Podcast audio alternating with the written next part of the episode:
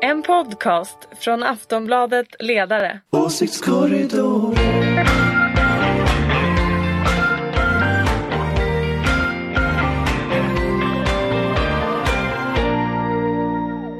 Hej och välkomna till ett nytt nummer av Åsiktskorridoren. Eh, den här veckan är vi tillbaka på riktigt och, och, det känns ju bra även om det är ännu en riktigt mörk och dyster novembermånad som går mot sitt slut. Eh, här i södra Dalarna där jag befinner mig har den första snön både kommit och regnat bort så det är väl som det ska vara så här års. Vi ska som vanligt diskutera vad som händer i politiken och i världen.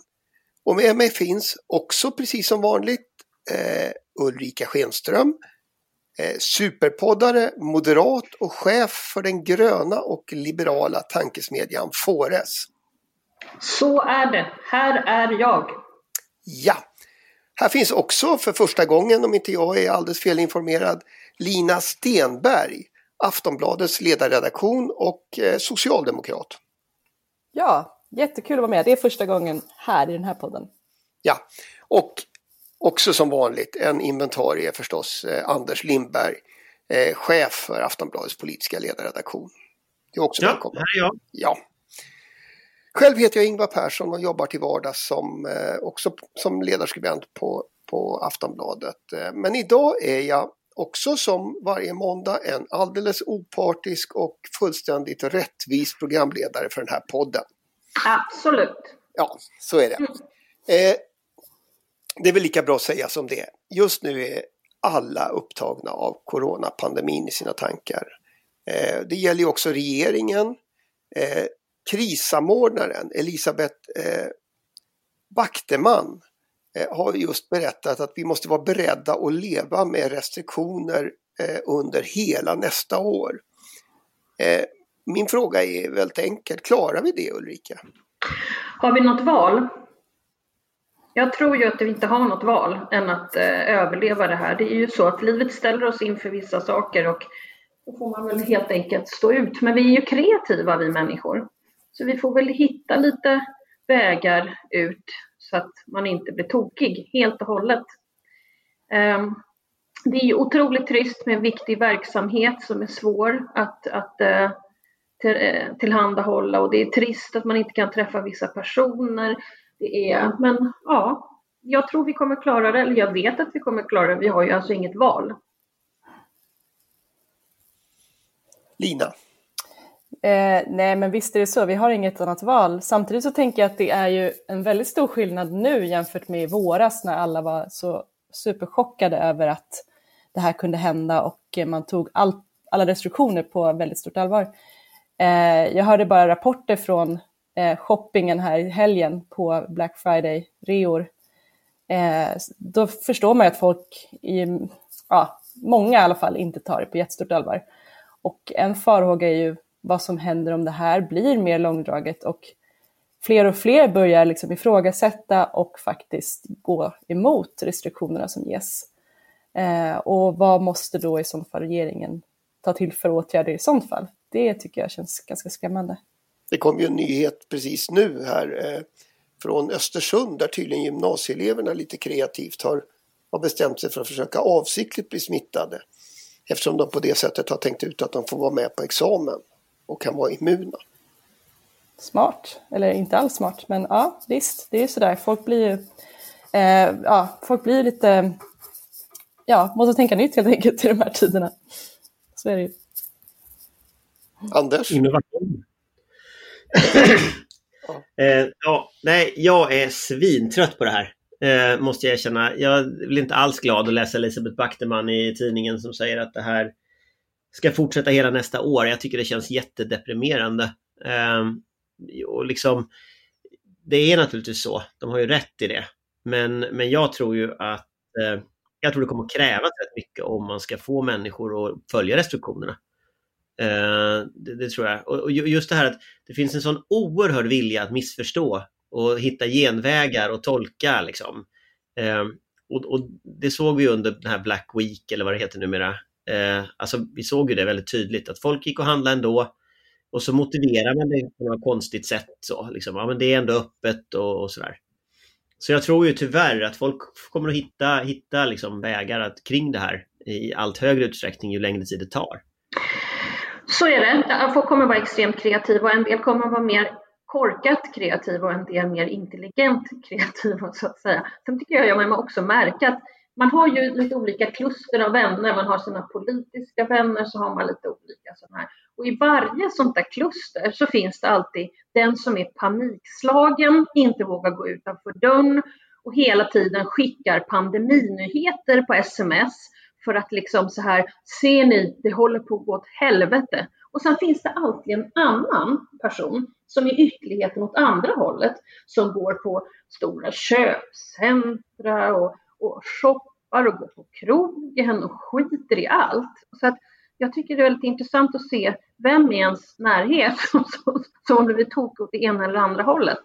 För det är som Lina sa inledningsvis här, när, när Lina hänvisade till våren, för folk var mycket mer panikslagna i våras och vågade inte gå ut. Det var mycket, mycket mer så.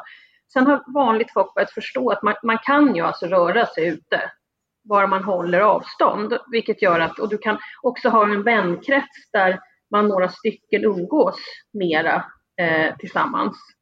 Eh, och man kan äta middag ihop och sådär. Man kan göra vissa saker. Framförallt oss ensamstående har, har ju, annars skulle man ju bli helt, helt tokig tror jag. Så att... Mm, också långsiktig hälsa. Alltså, man pratar, nu, pandemin är ju en sak, men alltså alla sådana här långsiktiga hälsofaktorer som att folk inte rör på sig längre för att man har sagt åt folk att inte gå på gymmet. Och i november är det inte skitkul att ut och springa.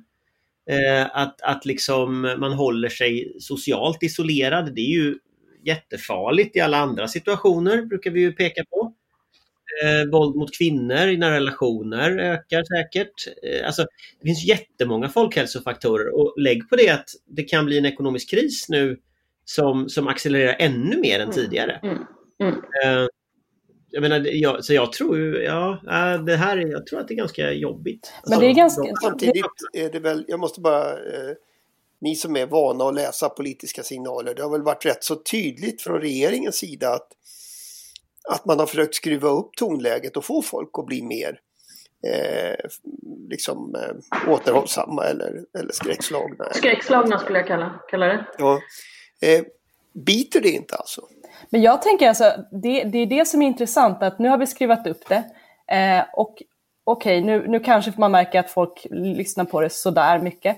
Men vad blir nästa uppskruvning och nästa och nästa och nästa? Det blir ju också, mm. tänker jag, lite obehagligt och, och liksom, vad, vad, blir nästa kraftuttryck som statsministern måste hota med eller liksom för att folk ska förstå? Eh, och ändå måste man någonstans från Folkhälsomyndigheten och andra myndigheter räkna med att alla kommer inte följa det ändå. Vi måste planera för att si och så många eh, kommer strunta i restriktionerna. Det är ganska obehagligt, tänker jag. Men jag tror att det här när man har presskonferenser efter presskonferens efter presskonferens, och då pratar jag inte Folkhälsomyndighetens liksom uppdatering om hur läget ser ut, utan man har en massa presskonferenser, man har ett tal till nationen som inte var någon nyhet och sa ingenting särskilt. Och när, när det händer, i början så tittar ju folk i, i telefonen och bara Åh nej, nu är det presskonferens och så stannar allting upp kvart över två och sen händer ingenting. Då, tyck, då tror ju inte jag folk, man kan inte, man kan inte ropa efter vargen för många gånger. Utan jag tror att man måste på något sätt eh, tänka efter lite när man har en ny presskonferens. Jag kan förstå också att en regering måste visa att man gör någonting. Och det ska bli otroligt intressant att se hur den här Coronakommissionens första rapport den 15 december tror jag den kommer. Så att, jag tror att det vi gjorde inledningsvis i hela den här, jag tror att Sverige gjorde rätt inledningsvis, men jag tror att när politiken börjar ta över så tror jag det inte riktigt blir lika bra. Men är det inte också så att det vi ser nu det är ju att signalvärdet av varje retorisk grej, det går å ena sidan ner. Å andra sidan så får jag en känsla av att konsekvenserna är på väg upp. Att, att nästa gång så säger man inte ställ in hjulen är ni snälla utan nästa gång säger man ställ in hjulen och vi har stängt ner ungefär som man stängde ner skidanläggningarna i våras. Eh, sen så kommer det ske kanske mer socialt snällt så här, SJ kommer inte att köra, det kommer, bussarna kommer inte att gå. Eh, vi uppmanar alla att hålla sig borta från trafiken. Om folk sen inte gör det så är ju steget till lagstiftning nog inte så långt. Så att, så att nästa steg blir ju liksom ställ in julen-delen här som kommer. Eh, men jag vet inte liksom, jag, jag det, det, var mycket debatt förra veckan om det, att, liksom, att, att regeringen tar över och så vidare. Jag tycker ju ingenting pekar på att regeringen gör det. Alltså jag tycker ju det känns som att det som händer egentligen här det är ju att, att regeringen och Folkhälsomyndigheten har lite flutit ihop. De är liksom samma sak idag. Men, men, det är väl ungefär, men det var ändå regeringen som hade många presskonferenser. Det är liksom inte Anders Tegnell längre som står bara och talar om för oss hur vi ska göra utan det är, det är fler som involveras och det är tal till nationen och sånt. Och jag kan säga att jag eh, har ju då eh, vårt kontor eh, där jag arbetar på den fina tankesmedjan. Vi har bytt kontor så att jag har, håller på att genomföra en flytt och då kan vi inte vara många människor här. Men jag går då till jobbet varje dag och jag känner inte att någon annan verkar känna av en pandemi i Stockholms innerstad. Alltså när jag går till jobbet, för att jag vill inte åka kommunalt, jag vill inte åka bussen. Det hade varit oerhört praktiskt för mig att ta en viss buss, men nu tar inte jag det. Utan jag går och det är bara bra, för då får man röra på sig. Eh, så jag går väl så 40 minuter varje morgon och 40 minuter hem. Eh, jag går förbi barer, restauranger, kaféer, affärer, det är ju smockat med folk. På Systembolaget var det smockat med folk. alltså, det, det, ser inte ut som det gjorde i våras, så är det bara. Och det tror jag beror på att folk, folk orkar inte. Nej, och, och det är intressant. Ja, förlåt. Det, det är ja. intressant det här med att, att äh, men bara in, i vanliga mataffärer, för det ska man ju ändå få göra, man ska ändå få gå och handla mat. Men hur, alltså, man, ska, man, man försöker att inte gå allt för nära varandra, men det blir ändå lite så här suckar och stönar när någon ändå försöker tränga sig förbi. Och så, alltså det, det är någonting i att men vi där, försöker men det går inte riktigt. Men Lina, där tycker jag faktiskt att det är helt otroligt. Alltså, du mm. vet, då går hela familjer och handlar. Inte mm. konstigt att det blir fullt. Måste man ha med sig alla tre barnen och maken när man går och handlar? Skulle inte så här, man själv så kunna gå och handla så kan maken gå och köpa lite till sen? Varför måste alla gå i, i liksom ett kluster, gärna liksom så här bredvid varandra också, så ingen kan ta sig förbi mellan frukt och grönt och, och charkdisken. För att där kommer familjen Olsson rakt på bara. Men om man, om man inte har någon rutbarnvakt så måste man ju ta med sig barnen efter hämtningen. Jag tycker det verkar mycket smartare att en i familjen går och handlar, punkt. Ja, men det är lite svårt att lagstifta om just det. Nej, jag vet, eh. men man kunde ju sätta upp rekommendationer till exempel. Och det är inga allmänna tips. Därför att jag vill inte gå och handla ifall det ska vara sådär. Så nu har jag hittat ett ställe som är lite mindre. Så går jag och handlar på konstiga tider. Alltså, om... Nej, det är inte jag som är knäppisen i mitt gäng, bara så att ni vet att det är jag som har gått bananas. Men jag har hittat ett ställe jag kan handla på där det inte är så mycket folk vid vissa tider. Där inte hela familjen Olsson och Svensson Larsson är samtidigt. Men jag tror du har rätt i, i, den spaningen, men jag tror att en variant är ju också att, att eh, man beställer på nätet, att man gör alla sådana saker. Och tittar jag i den liksom, sociala värld där jag befinner mig så är ju folk inte i Stockholms innerstad. Utan folk sitter ju hemma eh, och sitter inte ens i närheten av Stockholm i, alla gånger heller, heller så att säga. Så att jag tror det är lite olika vilka slutna kluster. Absolut, men jag kan berätta att det jag ser är Stockholms innerstad och här är alla ute och spatserar. Och, och hela Anders. familjerna går på ICA och Coop. Jag ser ju då inte Stockholms innerstad eftersom jag inte befinner mig i Stockholms innerstad sedan typ ett halvår. Men, men jag tänker ändå om man tittar framåt här, vad kan man göra för att få folk att vätta till sig lite och bli så? Alltså jag, det är ju så att idén eh, som regeringen har är ju att få folk att göra så för att de själv ska förstå sitt eget bästa. Men det är klart att det finns ju en punkt när folk inte har förstått sitt eget bästa till en nivå som gör att det inte funkar längre med den strategin. Då kommer man ju säkert att lagstifta och som jag tolkade Löfvens tal förra veckan så var det liksom att det står och väger mellan den strategin som ändå var att nu litar vi på att ni gör det här till att nu litar vi inte längre på att ni gör det här så nu, nu säger vi åt er. Det finns någon form av liksom brytpunkt här. Eh, och det beror naturligtvis på dödstalen, liksom, vad som händer. Och det ser ju bara sämre ut för varje dag. Det här scenariet som Folkhälsomyndigheten hade, att det ska pika mitten av december. Det är liksom, det ser ju inte bra ut. Ska vi, ska vi eh, ändå gå vidare lite grann? För det som det andra som man väl hoppas, eller många hoppas, eh, när, det, när det kommer till Backtemans lite dystra profetia, det är ju att vi ska räddas av vaccinet. Eh, och en eller två sprutor ska, ska liksom låta oss leva precis som vi gjorde förut. Eh, och i många länder pågår ju förberedelserna för fullt. Eh, England pratar om att sätta igång inom några veckor. I Tyskland har man rekvirerat två jättelika nedlagda flygplatser för att arrangera vaccin, eh, vaccineringen. Frågan är här då?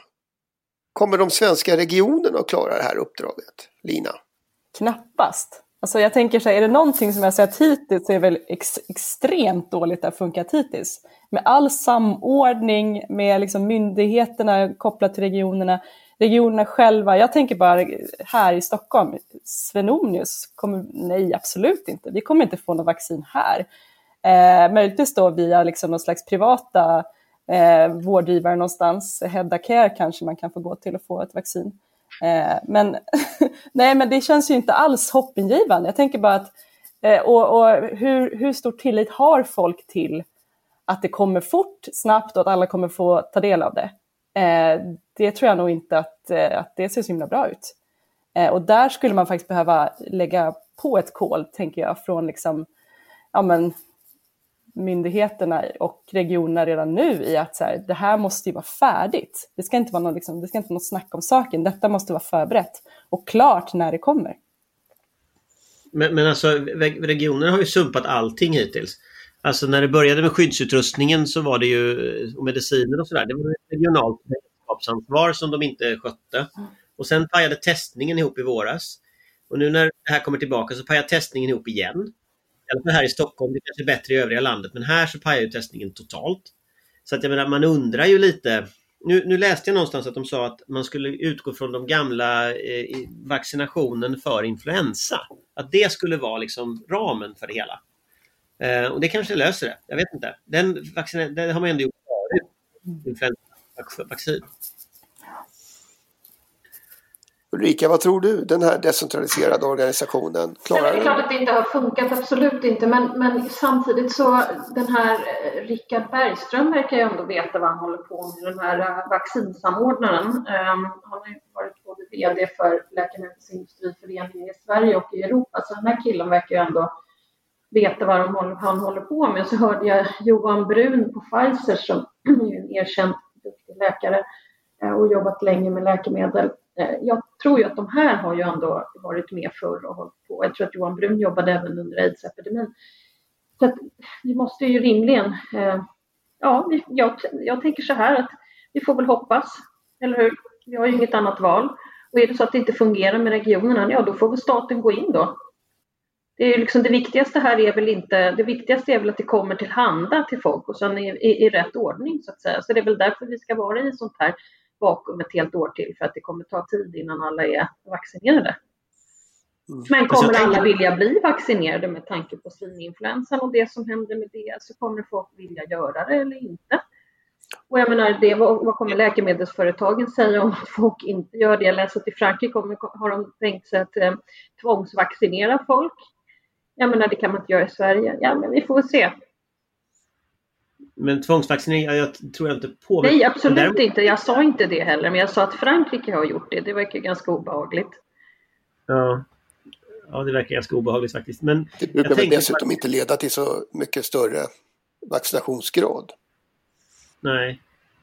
Nej, de säger det. Men jag tänker på just att regionerna, att, att idén i Sverige med att vi har ett regionalt ansvar för rätt stora delar av den här covid-hanteringen verkar ju inte ha fungerat överhuvudtaget.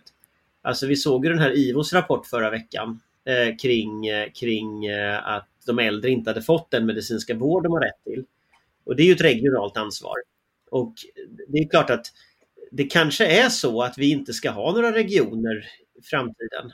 Eller det kanske är så att regionerna inte ska ha ansvar för akutsjukvård.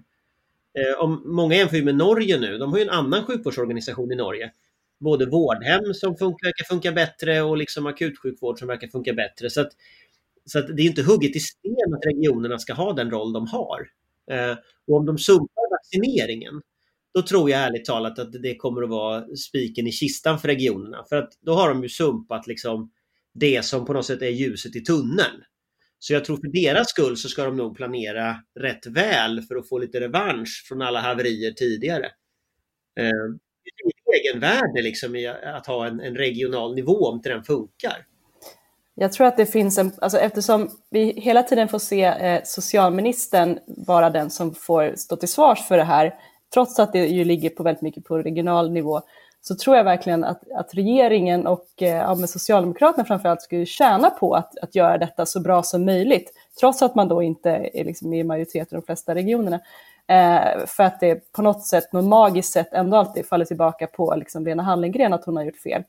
Eh, men jag tror, jag hoppas också verkligen att, att det ska funka och jag tänker att ja, eh, det här blir någon slags eh, sista prov, precis som du säger Anders, för att ja, grejer man inte det här, ja men då har man ju gjort bort sig totalt. Eh, nu börjar man ju till och med diskutera att man ska ha liksom, läkare kommunalt och, och, och jag menar, det, det, är som att man hittar på nya system bara för att det inte funkar. Och då, ja, men då måste man ju göra om det från början och göra rätt. Man kan inte hålla på och lappa och laga. Det här har väl moderater sagt länge, Ulrika? Ja, jag vet inte vad, alla moderater har sagt jättelänge, men jag kan säga så här att eh, oavsett regering så tror jag att om det går bra även för regionerna så tjänar regeringen på det hela vägen. Eh, så att eh, jag tror att det kommer att ordna sig för jag är optimist. Mm. Dessutom kan det finnas andra skäl än de rent partitaktiska och hoppas att det ska gå bra. Jag tror att folk kommer att läsa in partitaktik i sådana här saker. Och börjar man hålla på med partitaktik i ett sånt här läge så kommer man straffas. Kanske rättmätigt. Men jag tror, att det, jag tror att det finns ett element av partitaktik också när, när man tittar på liksom den här blame-gamet som de håller på med just nu. Uh, alltså de, de, har pressträffar för att säga att det är någon annans ansvar. Och det är ändå rätt liksom, unikt i en krissituation att man laborerar på det sättet. Uh, och det är lite intressant när man skriver om de här sakerna. Vi har ju de här chattarna vi har på, på sidan som väldigt många deltar i. Folk är ju helt rasande över att politiker skyller ifrån sig. Så att jag menar, det, det, det, som, det som nog alla skulle tjäna på, det är som sätta sig i, i liksom, nu får man inte sitta så nära varandra, men liksom, man skulle nog hålla varandra i hand allihopa och reda upp detta, eh, tror jag. Liksom, kraften i hur förbannade människor blir om vaccineringen inte funkar, kommer ju att bli, den kommer ju att bli helt enorm. För nu har ju liksom det gått ett år och väntat på det här jävla vaccinet. Och nu vill ju alla att det ska liksom komma ut. Hörrni, Eh, det är eh, varit mycket corona här men eh, apropå vad som kan reda ut saker och sådär så tänkte jag att eh, det rör ju på sig i politiken också. Vi borde väl ta några, några mer sådana klassiska åsiktskorridorsfrågor. Eh, på onsdag kommer ju höstens SCB-undersökning av opinionen och vi kan väl misstänka att det inte kommer att se jättebra ut för till exempel Miljöpartiet. Eh, samtidigt ska de ju nu få ett nytt språkrör, Märta Stenevi, om valberedningen får som den vill och det vet man ju aldrig riktigt med det partiet. Löser det där problemet, Anders? Miljöpartiet? Mm. Nej, det tror jag blir svårt faktiskt. Men det kan vara kul ändå. Ulrika, vad säger du? Är, är Märta Stenevi rätt? Vad menas, vad menas med det? Va?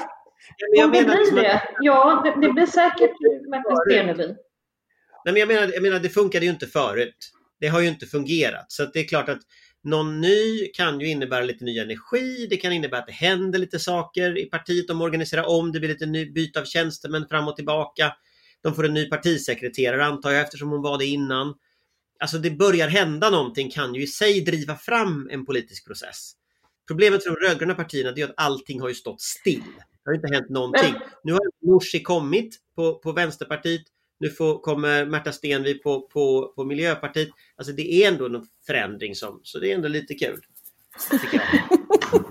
lite kul. Alltså grejen är den, och det har jag sagt förut, att är det någonting som MP behöver så är det någon som kan förhandla med sossarna.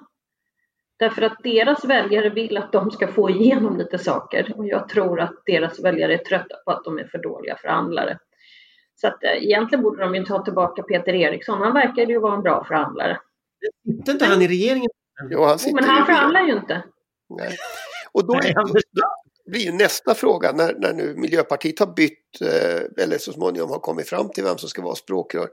Eh, ska Stefan Löfven göra om regeringen så det nya språkröret får plats också?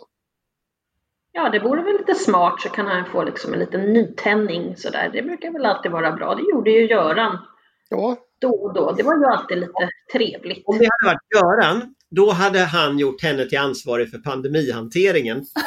Exakt så! Så det kanske, Blom kanske blir det. Smart, smart. Eller hur? Hela Apropå- 2021. Apropå vem hon ska skylla på här framöver. Det är ett jättesmart drag. Det här gick ju inget bra. Allt är Miljöpartiets fel. nu, nu pratar vi om Göran Persson och Till intet Göran göra dem, så att säga. Nej, men det är inte en dålig idé. Schysst. Schysstaste draget hittills. Det, Nej, men jag, jag tycker att det är intressant det där, apropå det vi pratade om alldeles nyss, det här med vem man lägger skulden på. För någonstans så är det ju, vi, vi är ju mitt uppe i att när, när corona växer så ska liksom alla partier någonstans ändå låtsas som att man håller ihop. Men så snart det här börjar avta igen, vilket vi såg tidigare i höstas och i somras, då kommer det ju bli mer av en blame game igen. Och det kommer vi ju se fram och tillbaka, upp och ner hela tiden. Eh, och jag det kanske är det som är den här Märta Stenevis roll. Alltså jag har funderat på varför hon, alltså när vi hade mer namnkunniga kandidater, men det kanske är det. Och att, och att du, det som du säger Ulrika, att, att hon är en, en bra förhandlare. Det kanske är det som är den egenskapen som valberedningen ser hos henne, som behövs. Vi får, vi får hoppas för Miljöpartiets skull. Hon verkar ju vara det om man tittar på hennes karriär hittills. Hon, hon, hon slog ju ut den som skulle blivit eh, eh, partisekreterare förra kongressen. Eh, och nu har hon ju då blivit språkrör här mm, mm, mot då, ja Karolina Skog var ju, var ju tippad, eh, Åsa Lindhagen var ju tippad och sådär. Så hon har ändå tagit, tagit hem den. Så att hon verkar ju vara rätt duktig på att slå sig fram. Och det kanske kan funka på Finansdepartementet och, och på statsrådsberedningen. du tror att det är ungefär samma sak? om- Nej, men jag tror ju det vore bra om, om Löfven toppade laget inför, inför valet överhuvudtaget. Det är också en gammal tradition att du liksom fasar ut folk och fasar in folk. Fast jag har en liten for, farhåga, om man nu får vara, liksom, låtsas vara miljöpartist en liten stund. Och det är ju att alltså, de behöver ju ändå ha någon som är lite mer skogsmulle. Eller? Jag menar, Bolund är ju inte heller det. Han, han, har ju liksom, han är kostymnisse. Eh, och jag, jag tänker att den falangen inom MP, ja, frågan är om, om de känner sig representerade. Jag vet inte. Hon är inte vald än. Ja, om hon nu blir vald. Men i, i den här processen i alla fall. Det återstår att se. Eh, Ska vi ta en sista fråga också på de här sista skälvande minuterna som vi har kvar. Ett annat parti som heller inte antagligen ser fram emot siffrorna på onsdag med så stort eh, tillförsikt, Liberalerna.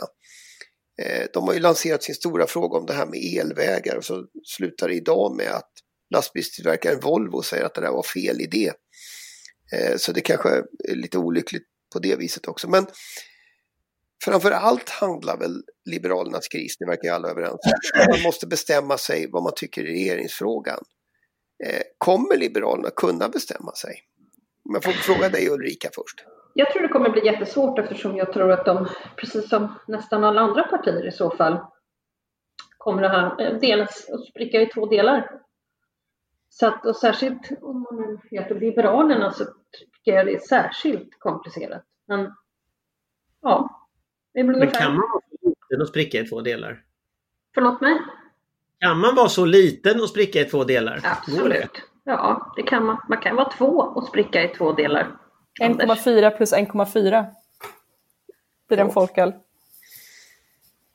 Men ja, jag tror någonstans att de ändå håller ihop. Jag tror att den självbevarelsedriften tror jag, tror jag har de visat historiskt. Och, Jo, och- men de fattar ju att de kommer att spricka i två delar om de gör någonting. Så att, ehm, de lär väl vara kvar i, i det som de är i nu.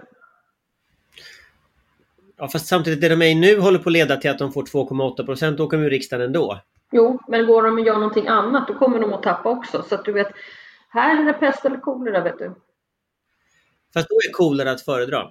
Ja, det har jag ingen aning om, men eh, de kommer inte vara stora då. Pesten är lite farligare. Men, tänker jag, men jag tänker att då, då får man ändå välja koleran eh, och tugga i sig det och ta sig igenom det. Och frågan är om inte det är att gå in under liksom det samarbete man har svingar. att göra sig av med den här partiledaren de har, hitta någon som faktiskt kan ta sig, liksom, vinna väljare och, och ändå försöka hålla sig kvar. De brukade inte vara så snälla mot liksom, misslyckade partiledare förr. Kommer ni, man kommer ihåg Maria Leissner till exempel. Leissner, ja. Mm. När hon fick siffror på den här nivån, då åkte hon ut. Så att jag menar, Då blir det väl Det Johan Persson då, eller? Är det det vi tror? Jag vet inte riktigt. Han, är ju, han finns ju, det, det kanske är någon helt annan också med tanke på det partiet. Förra gången valde de någon utanför riksdagen. Det var väl ingen jättebra idé kanske. Johan Persson står väl för samma linje som Sabuni i, i den här grundfrågan om regeringssamarbete. Mm. Att han sitter i och för sig i riksdagen och är profilerade i, i frågor om brott och straff, vilket ju säkert blir en av valets viktigaste frågor. Men, men det kan finnas andra också. Det, det, det, det, det finns ju liksom Ullenhag-falangens representanter också. Christer Nylander trodde man ju förra gången var ett namn till exempel. Så att, alltså det, det kan ju finnas fler namn, men att, att flytta in det till riksdagsgruppen och faktiskt vara en del i det politiska centrumet, det undrar om inte det är ganska smart faktiskt. Men i sånt fall måste det ske ganska snart. Det kan ju inte bli allt för kort inför valet. Eh, och det måste ju också processas. Så det känns ju som att, eh, ja, det kan ju inte dröja. Om det nu skulle vara så, om missnöjet är så stort mot Sabuni. Men om, om ett, ett parti är så, så mycket trängt mot väggen, har man, har man handlingskraft att göra allt det här enligt en stor plan? På det sätt som, som du skissar, Anders? Eller är det som Ulrika säger, att man sitter still i båten? om, man hade haft, om man hade varit mer kompetenta så hade man ju sannolikt inte varit så trängda mot väggen. Så att det faktum att man har 2,8 procent i mätningarna och nu vet jag inte vad man får i, i SCB, men det man säkert lite högre. Det brukar man göra. Men det är klart att det tyder ju på att det är en större kris. Att det också är en kris liksom av en förmågekris i partiet. Eh, Men det har ju gått vänt, vänt förr. Alltså, man har lyckats vända små partier till stora partier förut. Så det är vore inte omöjligt. Men jag börjar alltmer tro att så länge den partiledningen sitter nu, där, som liksom inte sitter, sätter på en, sitter liksom inte på någon stol. Jag tror inte det funkar. Jag tror de måste byta ut det. Sen kan det vara som Ulrika säger, att de spricker och försvinner då, det vet jag inte. Men de kan ju försöka i alla fall. Det återstår att se. Vi har använt vår halvtimme för att diskutera eh, några av de frågorna som varit uppe i veckan. Eh, får vi gissa så är vi väl tillbaka om en vecka och pratar mer om pandemin. Eh, kanske också om något annat. Och de kommande 52 veckorna som vi också ska prata om pandemin med tanke på Elisabeth Backtemans förutsägelse. Ungefär så. Ja, det känns ju verkligen fantastiskt. Mm. Det var också ett sätt att avsluta november månad. Nu börjar det bli mörkt ute igen. Ja. Hörrni, stort tack för idag. Tack Ulrika, tack Lina och tack Anders. Tack. Hej hej! Hej då. Hej. En podcast från Aftonbladet Ledare. Åsiktskorridoren